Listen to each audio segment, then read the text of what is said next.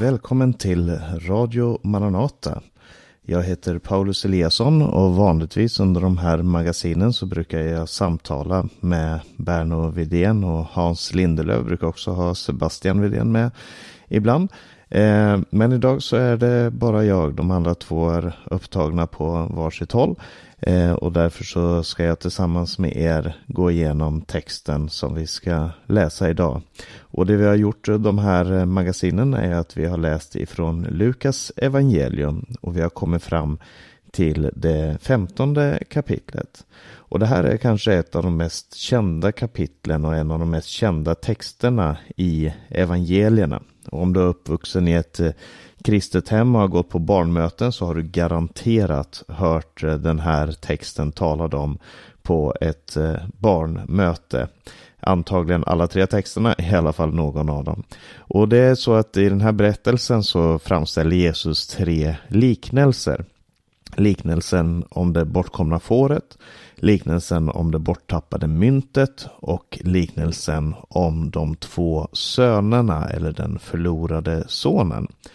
Den tredje berättelsen är den längsta och kanske mest eh, elaborerade utvecklingen. Och vi ska nu gå rätt in i texten här. Eh, vi läser alltså ifrån Lukas evangeliums femtonde kapitel och från den första versen. Vi ska börja med att läsa de första tre verserna för att få inledningen. Alla tullindrivare och syndare höll sig nära Jesus för att höra honom. Men fariseerna och de skriftlärde kritiserade honom ständigt och sa Den där mannen tar emot syndare och äter med dem. Då berättade han denna liknelse för dem. Och så kommer de tre liknelserna. Eh, så här får vi veta orsaken till berättelsen. Vad är det för någonting som föranleder berättelsen? Och det är att det finns två kategorier människor här. Det finns dels, som det står i första versen, tullindrivare och syndare som höll sig nära Jesus för att höra honom.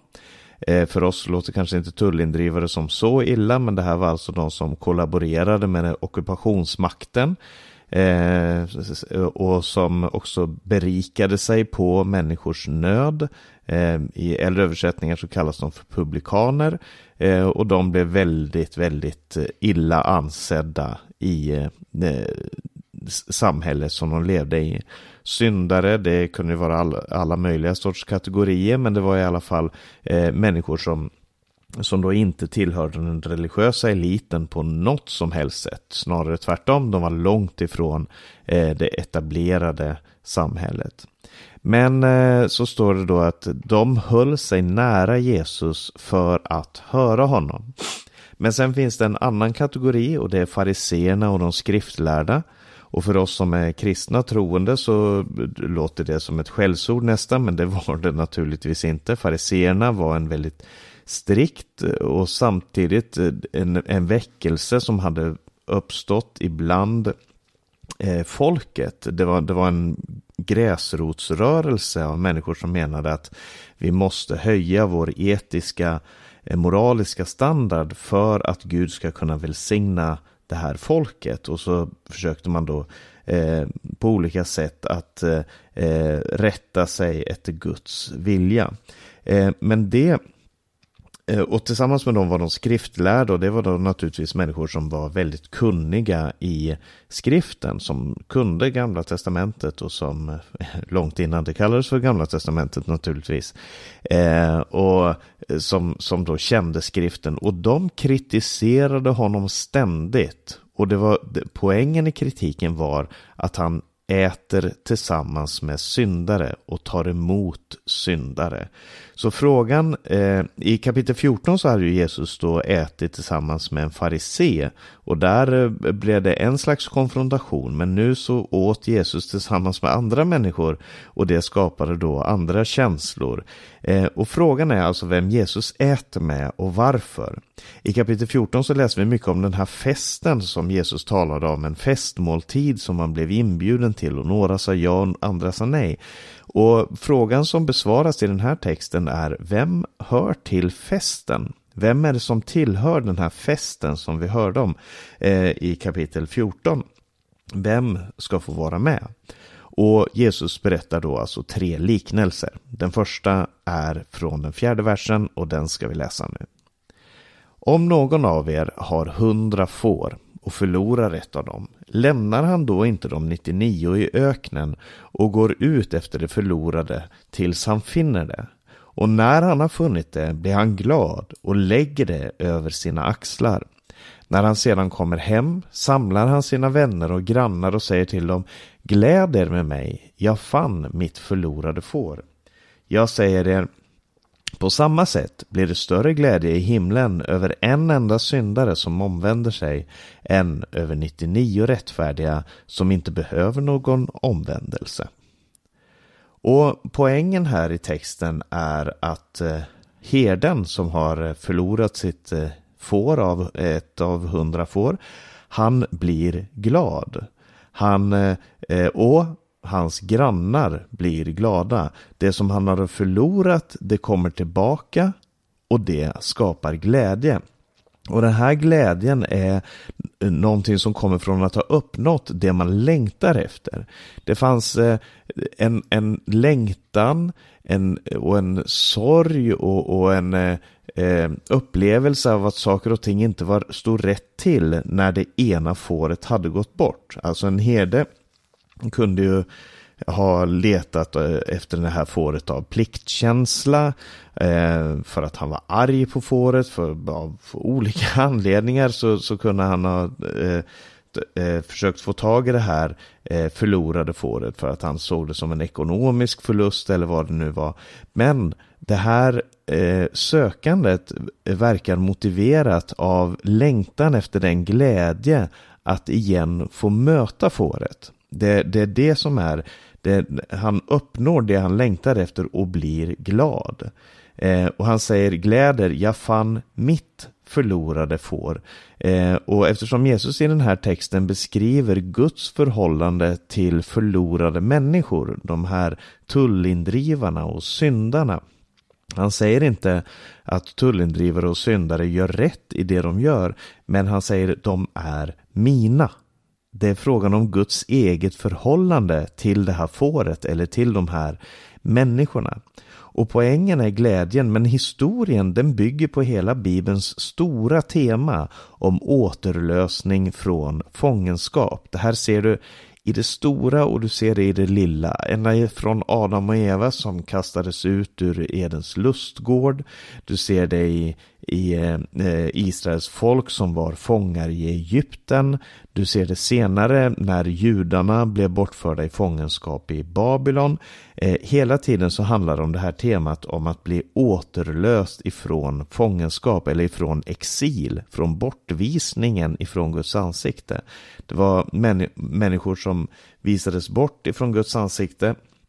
Eh, i, eh, i Edens lustgård så visades Adam och Eva bort ifrån Guds ansikte. De gick österut eh, i Eh, eh, Israel som var i Egypten, då förlorade de den här kontakten med Gud. De var inte i sitt land, men Gud eh, återlöste dem ifrån deras fångenskap och samma sak då med Babylon. Och du kanske har sett den här klassiska bilden som man ibland använder i, evangelis ursäkta mig, i evangelisationssyfte när man vittnar för människor. Den här klassiska bilden med Gud på en sida och människan på den andra sidan och så är det eh, ett, eh, ett svälj mellan dem. Det är, det är ett stort avstånd mellan dem som inte kan överbryggas av någonting. Och i all sin enkelhet så bär den här bilden på en väldig sanning. För att eh, det, det, är ett avstånd mellan Gud och människor som måste överbryggas av något eller av någon. Och i den här berättelsen så överbryggas det här sväljet mellan herden och fåret överbryggas av herden själv. Det är han som eh, söker. Den här berättelsen handlar om den sökande herden. Men, och, men frågan som texten behandlar är vilken attityd har himlen mot de som blir återlösta? Alltså fariséerna och de skriftlärda kritiserade honom och sa den här mannen tar emot syndare och äter med dem. det låter inte som kritik i sig själv, men, men det låg någonting underliggande där. Det är fel. Den här, att ta emot syndare och äta tillsammans med syndare, det, det är inte rätt. Det är inte så Gud önskar att helighet ska uppnås här på jorden. Och Jesus visade det precis på det sättet som Gud önskar att helighet ska uppnås på jorden. Och frågan är vilken attityd som himlen har mot dem som kommer till Gud. Är det förakt, en föraktfull attityd? Är det en kravfylld attityd? Eller är det som Jesus säger glädje? Om någon har då ett får och han sen finner det, blir han glad och han lägger det över sina axlar och när han kommer hem samlar han sig, gläd er med mig, jag fann mitt förlorade får. På samma sätt blir det större glädje i himmelen. Alltså gång på gång på gång i texten poängterar Jesus den här stora glädjen. Och det gör han också i eh, nästa text som handlar om eh, myntet. Och det ska vi se på nu. Det står så här ifrån Lukas 15 och vers 8.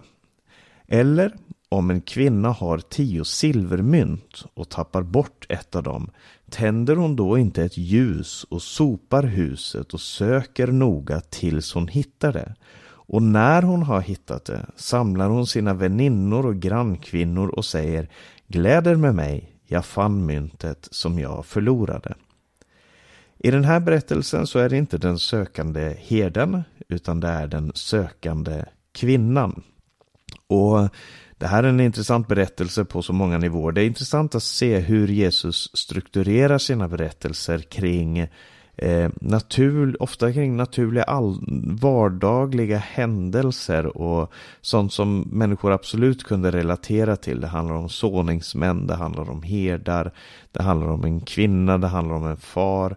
Eh, det, här är enkla historier. Ibland så handlar det om kungar och stora fester och sånt. Men, men väldigt ofta handlar det om sånt som människor kunde se i sin vardag.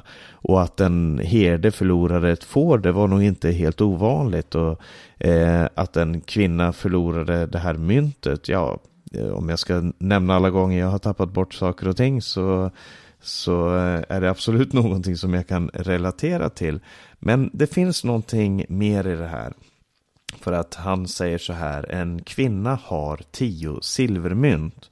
Varför har hon tio silvermynt? Vad, vad, är det? Alltså är det samma som här, han har hundra får, hon har tio silvermynt. Det, det, finns en koppling mellan de här två. Det, det är helt klart parallella historier.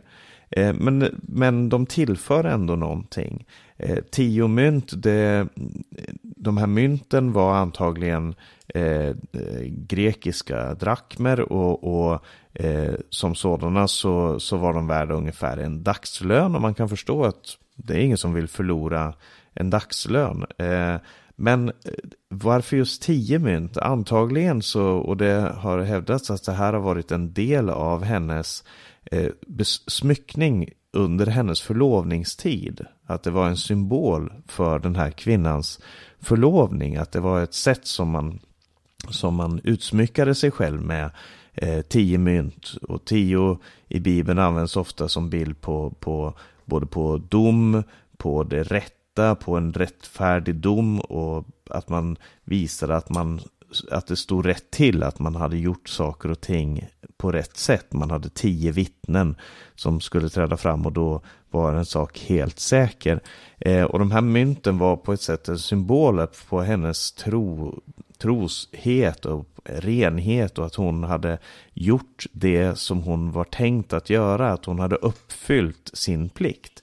Precis som herden skulle göra räkenskap inför den som ägde de här fåren Eh, om det så var han själv som ägde dem så är det, handlar det ändå om ett, en räkenskap. Och den här kvinnan skulle också göra räkenskap inför eh, sin då brudgum eh, och presentera sina mynt som en symbol för att hon har varit trofast och att hon har tagit vara på det som hon har fått. Eh, oavsett om det här är rätt tolkning eller om det bara är en kvinna som har tio mynt, att Jesus använder den bilden, så, så verkar det som att det här är någonting som är otroligt värdefullt för henne. Oavsett hur andra skulle värdera de här silvermynten så är silvermyntet otroligt värdefullt för henne själv. Och därför så söker hon, hon söker med iver, hon söker med nöd, hon söker med längtan. Hon tar fram ett ljus för att hitta, hon använder alla till stående medel, hon sopar huset, hon söker noga ända tills hon hittar det. Eh, och poängen i, i berättelsen, det är återigen den här glädjen när hon finner den. Hon, säger, hon kallar ihop sina väninnor, grannkvinnor och säger gläd er med mig, jag fann myntet som jag förlorade. Och man kan antingen tänka sig att kanske de här grannkvinnorna och väninnorna och så inte förstår vad, varför är du så glad för ett mynt? Eller så förstår de absolut om det här hade ett symboliskt värde för henne så fanns det ingenting som kunde ersätta det. Om det betydde, om det var en bild på hennes förhållande till sin blivande man så fanns det naturligtvis ingenting som kunde eh, ersätta det. Precis som om jag skulle tappa bort min eh, min förlovningsring eh, så skulle jag kunna köpa en ny ring. Det kostar lite men jag kan absolut köpa en ny ring. Men det är inte samma ring och det är inte samma eh, symbol och den här är ju en symbol för mitt förhållande till min fru. Eh, och antagligen på samma vis var det här en symbol för hennes förhållande till sin då blivande man antagligen. Och hon finner sin ära i det hon har funnit, i det hon har lyckats vinna tillbaka. Och det här är ett stort, stort tema i hela Bibeln. Eh, I församlingen i Tsipar, jag är ju i Rumänien just nu och vi har tre församlingar här som vi, som vi hjälper. Och i, en, och i de här församlingarna så läser vi tillsammans ifrån skriften eh, varje vecka. Både när vi predikar på söndag men vi har också ett bibelstudium då på eh, tisdag, onsdag och torsdag på de tre olika platserna. Och eh, i, eh, i en av församlingarna nu så läste vi Jesaja 52. Och i den här texten så, så handlar det om eh, judarnas eh, återtåg ifrån Babylon. Och det blir parallellt till väldigt många berättelser både tidigare, före detta och efter detta. Men hur som helst, så i den här texten så beskrivs det hur Gud önskar att återlösa sitt folk. I Jesaja 52, vers 3 så står det, för så säger Herren, ni blev sålda för ingenting och ni ska också bli återlösta utan pengar och så vidare. Så säger Herren, först drog mitt folk ner till Egypten och bodde där som främlingar, sedan förtryckte Assur dem utan orsak. Vad har jag nu här, säger Herren, mitt folk har förts bort utan skäl, de som härskar över dem skränar, säger Herren, och mitt namn hånas ständigt dagen lång. Så Guds ära påverkas av att hans folk inte är där de skulle vara, av att hans folk inte är återlösta. Och Gud återvinner sin ära eh, genom, sitt folk, genom att göra ett under ibland sitt folk och föra dem tillbaka till frälsning. Därför, säger han, ska mitt folk få lära känna mitt namn. Därför ska de på den dagen förstå att jag är den som talar, här är jag. Och så kommer det här evangeliska budskapet i den här texten i Jesaja 52. Hur ljuvliga är inte glädjebudbärarens steg när han kommer över bergen och förkunnar frid, bär fram goda nyheter, förkunnar frälsning och säger till Sion, din Gud är kung. Eh, Hör dina väktare ropar med hög röst, de jublar tillsammans, för de ska med egna ögon få se Herren vända tillbaka till Sion. Brist ut i jubel tillsammans, ni Jerusalems ruiner, för Herren tröstar sitt folk, han återlöser Jerusalem.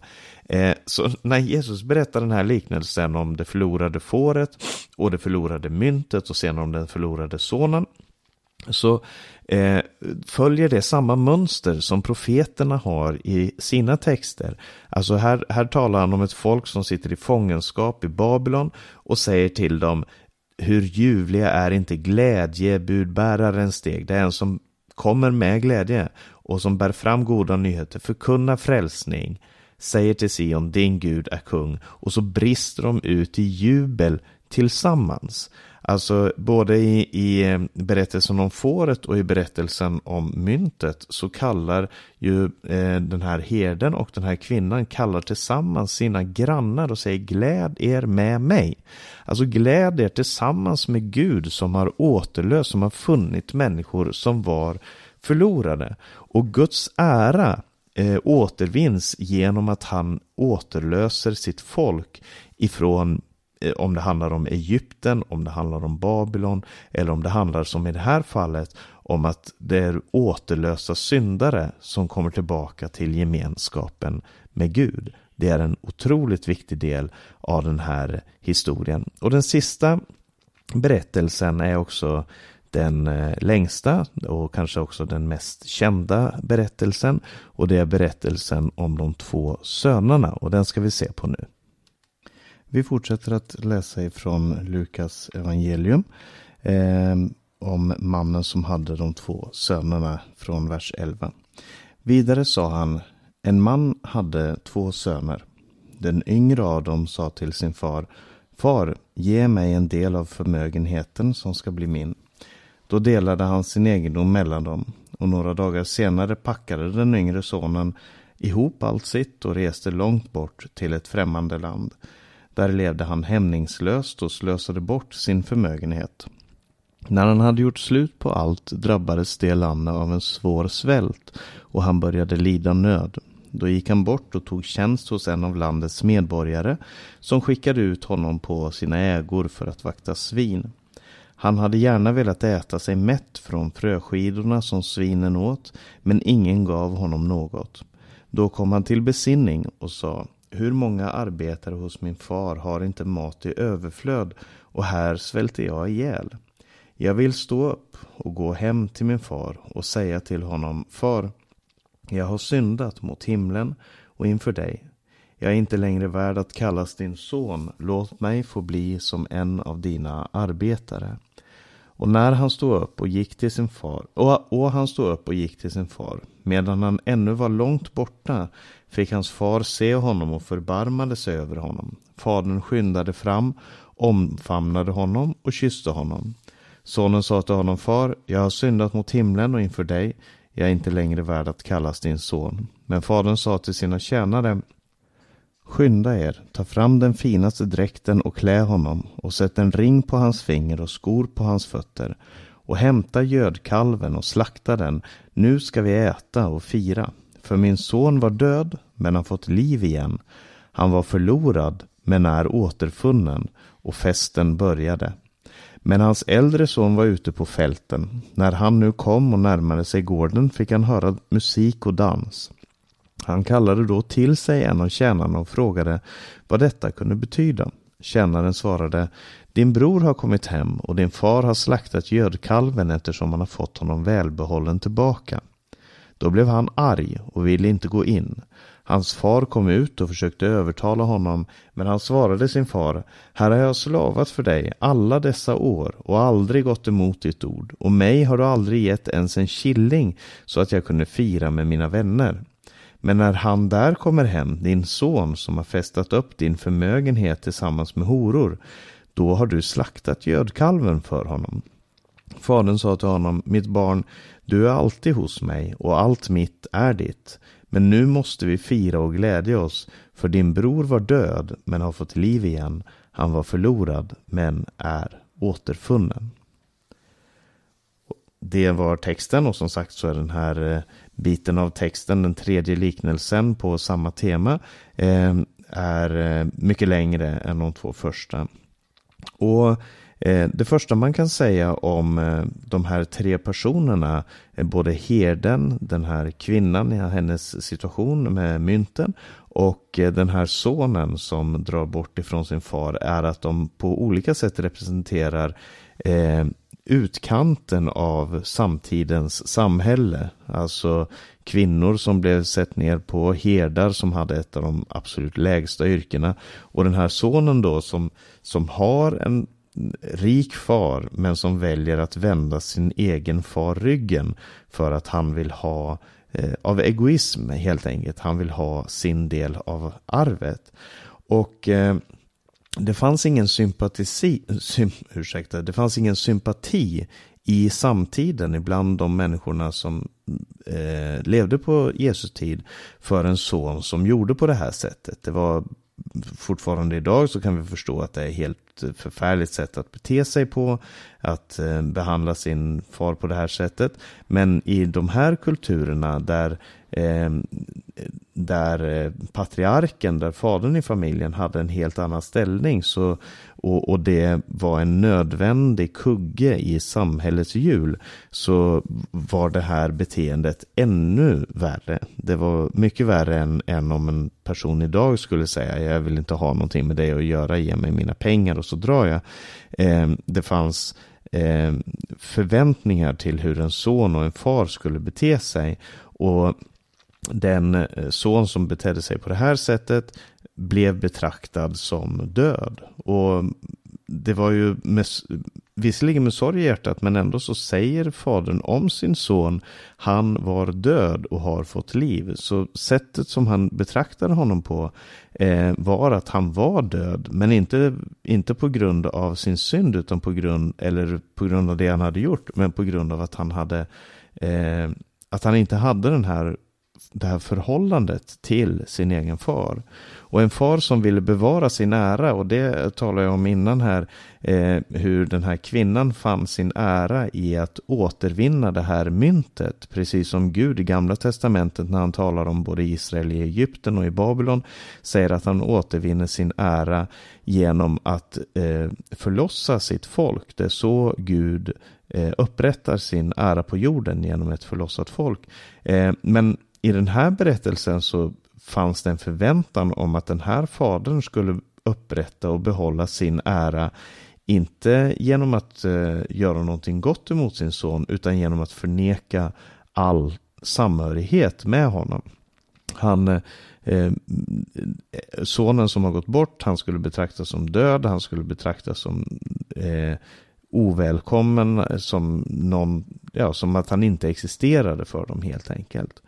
Och den här sonen han, han drar bort, han kommer till hedningars land. Det är också sånt som när, när vi läser den här texten idag så tänker vi att ja, han drog till ett främmande land. Men, men det ligger en väldigt, väldigt laddning för en jude som läser den här texten i berättelsen om att hamna i hedningars land. Varför skulle du dra till ett hedningaland när Guds eh, plats är Israel? När han, han reser långt bort till ett främmande land. Eh, det i sig är ett problem. Det andra, där led han hämningslöst och slösade bort sin förmögenhet. Det är naturligtvis en eh, i vår individualistiska tid så kanske vi hade sagt att ja, ja, det är hans problem, han får göra som han vill.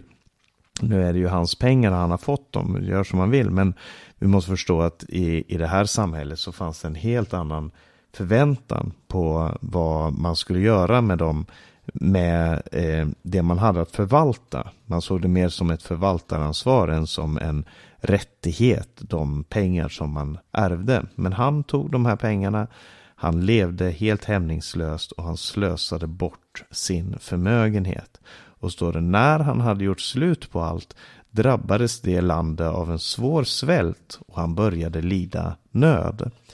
Och i alla berättelser, eh, både bibliska och andra, där, där man följer en person som, som dras längre och längre bort ifrån det som han var tänkt att vara, platsen där han var tänkt att höra till, eh, så är det så otroligt viktigt att människor upplever en form för nöd. Att man får den här nöden väckt hos sig. Det finns i många bibliska historier så berättas det om personer som, som hamnar i en situation där de upplever nöd. Och det är en så otroligt viktig del av vad det betyder att eh, komma tillbaka till Gud, att komma till Gud, att det finns en nöd över synden, att man förstår att det här är inte rätt situation, det är inte så här det skulle se ut, det är inte så här det skulle vara.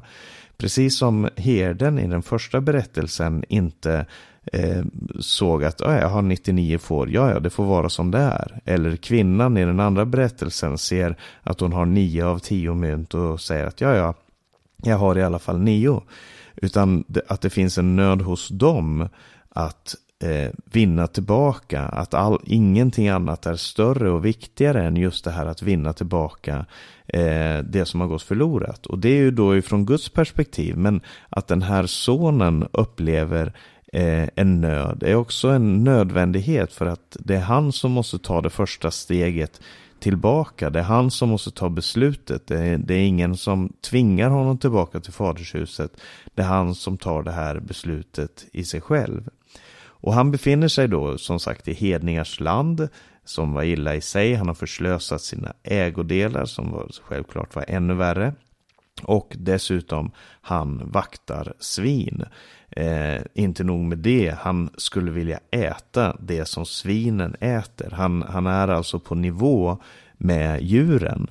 Eh, en tematik som återkommer väldigt många gånger i Bibeln och som leder människor till Eh, ibland leder människor till ett vilddjursbeteende, men ibland leder människor till ett oförståndigt beteende. Det står om att några, en del människor är som hästar eller som åsnor som saknar förstånd. Och i det här, i det här tillfället så handlar det inte så mycket om förståndet som om orenheten, hur djupt en människa har sjunkit i det mest orena eftersom svinet var ett orent djur i den eh, eh, judiska tron. Så han hade velat äta sig mätt av fröskidorna som svinen åt. Och så står det dessutom, men ingen gav honom något. Alltså han var lägre än svinen. Han var lägre än de lägsta, han var lägre än de orena. Och så kommer då den här vändpunkten som drivs av den här nöden på grund av nöden så kommer han till en vändpunkt i vers 17 där det står han, då kom han till besinning. Då kom han till besinning och det här är början på förändringen i hans liv. Och besinningen eh, den leder honom till att förstå sin egen ovärdighet. Han säger, jag vill stå upp, jag vill gå hem till min far och säga till honom, far jag har syndat mot himlen och inför dig. Jag är inte längre värd att kallas din son, låt mig få bli som en av dina arbetare. Alltså berättelsen börjar med att han ser sig själv inte bara som värd att eh, vara sin fars son. Han ser sig själv som värd att vara någonting mycket, mycket mer. Han ser sig själv som någonting större, någonting utanför fadern, någonting som är oberoende av fadern, som, som kan hålla avstånd och som kan klara sig på egen hand, som kan förvalta sitt eget, sin egen del av arvet. Han ser sig själv som mer än värdig. Han ser, till, han ser fadern och sin bror som ovärdiga hans närvaro. Eh, och det är så de upplever det sårande och, och eh, förnedrande på så många sätt. Men eh, medan han då eh, Eh, förnedrar sin far, han förnedrar sin familj, sin bror och alla de som inte nämns i den här historien också. Men eh, slu slutet på historien, eller inte slutet på historien, men så långt som vi har kommit till historien nu, så förstår han sin egen ovärdighet. Han förstår sin egen synd som är en synd både inför himmelen och inför människor. Och ibland så kan man tycka att när människor säger att ja, de har syndat inför himmelen så är det något slags förmildrande, att man försöker förmildra omständigheterna. Men det är egentligen det värsta av allt. Att, man, att när man när man förnedrar andra människor.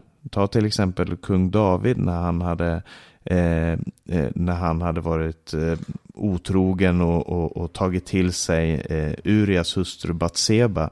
Så säger han i den här salmen där han bekänner sin synd så säger han inför dig och Gud har jag syndat. Och det kan man ju tycka, nej, det är väl inte inför Gud du har syndat. Du har syndat mot Batseba och du har syndat mot Uria.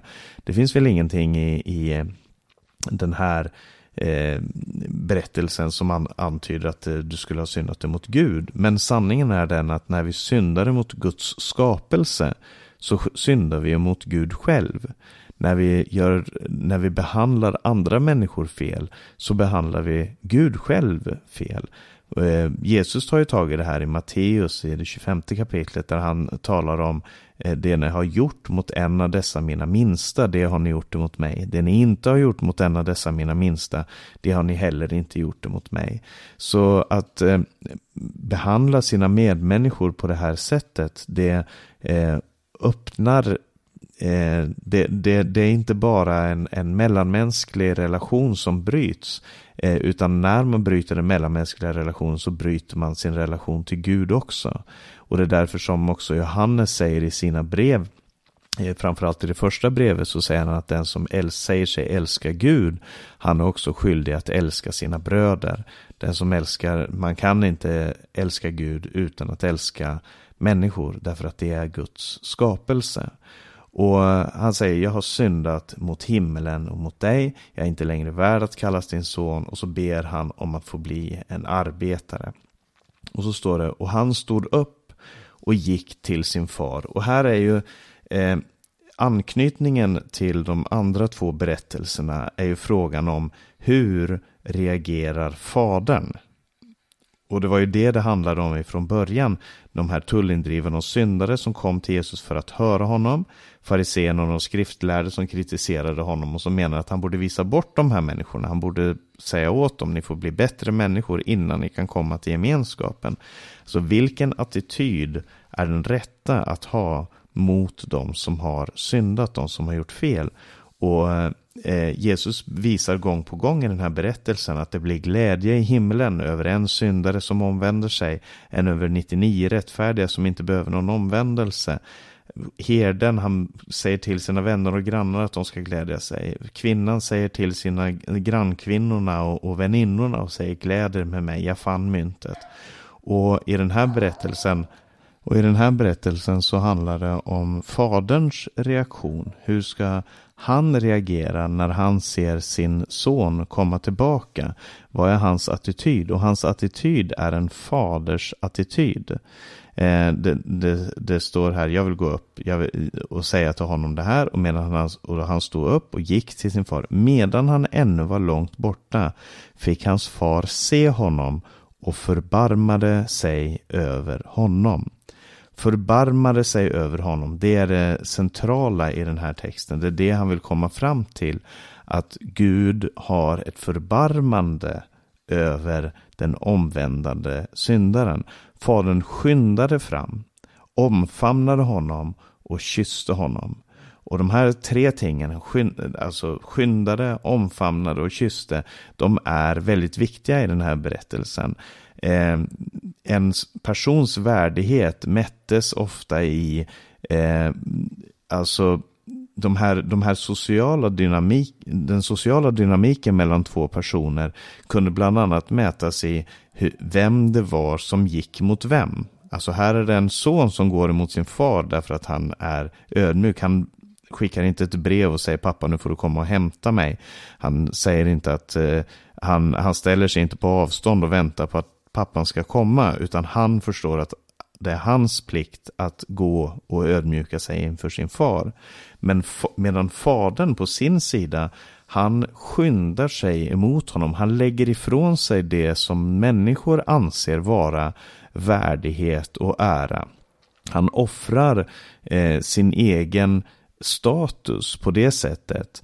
Eh, han kunde ju nåderikt ha, ha, tagit emot honom på det sättet att han hade eh, accepterat hans förfrågan, att han hade stått och väntat på honom, låtit honom få komma fram och sen allra nådigast sagt ja till hans bön om att få bli en arbetare. Eller till och med tagit upp honom som son, men i alla fall stannat där han var. Men det finns en iver och det finns en längtan och det här eh, medan han ännu var långt borta så såg han honom. Han fick, hans far fick se honom. Det är en sökande far, en bidande, väntande, kikande eh, far som står på utsiktsplatsen och, och som inte får någon ro förrän han får se sin son i fjärran. Han skyndar mot honom och han omfamnar honom. Och jag har nyligen läst en bok av eh, Miroslav Wolf som växte upp i, i Eh, forna Jugoslavien och som upplevde de konflikter som var där på 90-talet mellan eh, etniska grupper, religiösa grupper och, och andra indelningar av människor. Eh, Miroslav Wolf han har skrivit en bok som heter Exclusion and Embrace. bortvisning och omfamning. Och den, den boken skulle jag verkligen vilja rekommendera. Jag är inte enig i allt som står där och det finns säkert saker och ting som skulle vara värt att ta upp och, och um, kritisera. Men, men han har en analys av den här berättelsen i eh, Lukas och han sätter ett fokus på den här omfamnande handlingen. Att öppna sina armar, att ta emot någon, att släppa någon. Det är det som omfamnandet handlar om. Eh, att vi, att eh, visa närhet till någon. Där eh, faderns tårar blir sonens tårar och sonens tårar faller på, på faderns eh, eh, kläder och faderns tårar faller på sonens kläder. Den gemenskapen som finns i den glädjen och sorgen som är i mötet mellan två människor som omfamnar varandra. Eh, den finns inte någon annanstans. Det är en otroligt stark beskrivning av eh, är mottagandet. Hur, på vilket sätt som Gud tar emot den människa som omvänder sig. Och det, fadern han, han omfamnar och kysser sin son. Han, han visar den absolut största närheten till den här sonen som nödvändigtvis måste ha varit både oren, alltså smutsig rent fysiskt men också rituellt oren genom att han hade eh, levt tillsammans med svinen. Men det är någonting som utgår ifrån fadern som gör honom ren. Fadern säger till honom Eh, fadern säger till sina tjänare, ta fram den finaste dräkten, klä honom, sätt en ring på hans finger, skor på hans fötter, hämta gödkalven, slakta den, nu ska vi äta och fira. Alltså, det går renhet utifrån fadern. Det går ett nytt liv utifrån fadern som förvandlar den här sonen. Men samtidigt så står det om en annan son som är ute på fältet och som kommer dit och får höra eh, eh, får höra dan musik och dans. Han kallar till sig en av tjänarna, frågar vad det handlar om. Han får beskrivet för sig vad det handlar om. Och så står det, då blev han arg och ville inte gå in. Och det här är ganska viktigt för att om man talar om omfamnandet så, så är det en som inte vill omfamna och som heller inte vill bli omfamnad. Han vill inte gå in i huset, han vill inte ha den här gemenskapen.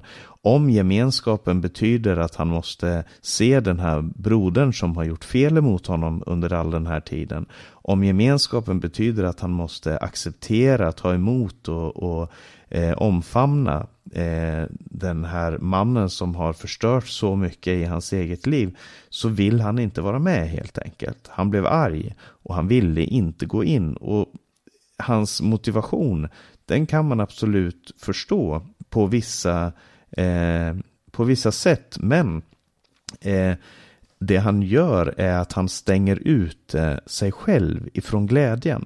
Han stänger ute sig själv ifrån festen och stänger ute sig själv ifrån gemenskapen med fadern. Och det begrundar sig i eh, Orsaken till det är att han har missförstått sitt förhållande till fadern och sitt förhållande till sin bror. Eh, I berättelsen här så säger han till sin far när fadern kommer ut då, så, så eh, för att övertala honom så säger han här har jag slavat för dig alla dessa år. Eh, han betraktade sig själv som en slav för sin far. Inte, det fanns ingen glädje i det han gjorde. Det fanns ingen tacksamhet över det han eh, sysslade med. Utan det var ett slaveri. Jag har aldrig gått emot ditt ord. Eh, som att det, det, var en plikt som han hade. Han, han var tvungen att eh, hålla eh, alla hans ord. Och så tycker han att han har inte fått det han skulle få. Och det här är en, absolut en direkt parallell till hur judarna upplevde sin situation på Jesu tid. För att de menade att vi, vi har offrat, vi har hållit fast vid, vid fariseerna och de skriftlärde som studerade skriften och som försökte leva så heligt och rent och gott som de överhuvudtaget kunde. Och så gick de och väntade på att Guds härlighet skulle slå ner i templet. Att Guds härlighet skulle uppenbara sig på den platsen. Eh, och de förstod inte att Gud bjöd in dem till sin fest, till sin gemenskap i Jesus, Messias. Jesus från Nasaret så kom Gud och bjöd dem in till festen men de ville inte gå in. De hade sina förväntningar. Vi har, nu har vi slavat, nu har vi tjänat, vi har aldrig gått emot hans ord och så har vi ändå inte fått. Vi har ändå inte fått. Så de missförstod av vad de själva var eh, trodde att de var slav, han trodde att han var slav. Han missförstod eh, vad som var faderns önskan. Jag har aldrig gått emot ditt ord. Det var inte det fadern hade längtade efter. Det han längtade efter var gemenskapen. Och så sen, och då, han missförstod vad han hade. För han sa, du har aldrig gett ens en killing så att jag kunde fira med mina vänner. Han missförstod och såg inte att det han ägde var allt som var kvar. Allting var hans. Och det säger fadern till honom. Allt mitt är ditt, mitt barn. Du är alltid hos mig. Eh, det, det är faderns perspektiv. Du är mitt barn. Du eh, är tillsammans med mig. Du är, han säger inte du är min slav. Han säger du är hos mig.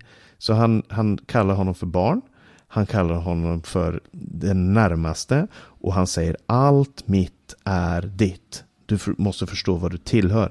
Det andra som sonen inte förstod det var vem hans bror var. Han säger om, om sin egen bror så säger han, men när han kommer hem, din son som har festat upp din förmögenhet tillsammans med horor, då har du slaktat görkalven för honom.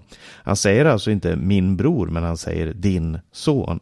Och det är en missförståelse av vem hans nästa är. Han, miss, han och, och därför så säger Jesus, äh, därför så säger eh, Fadern i den här situationen, nu måste vi fira och glädja oss, för din bror var död men har fått liv igen, han var förlorad men är återfunnen.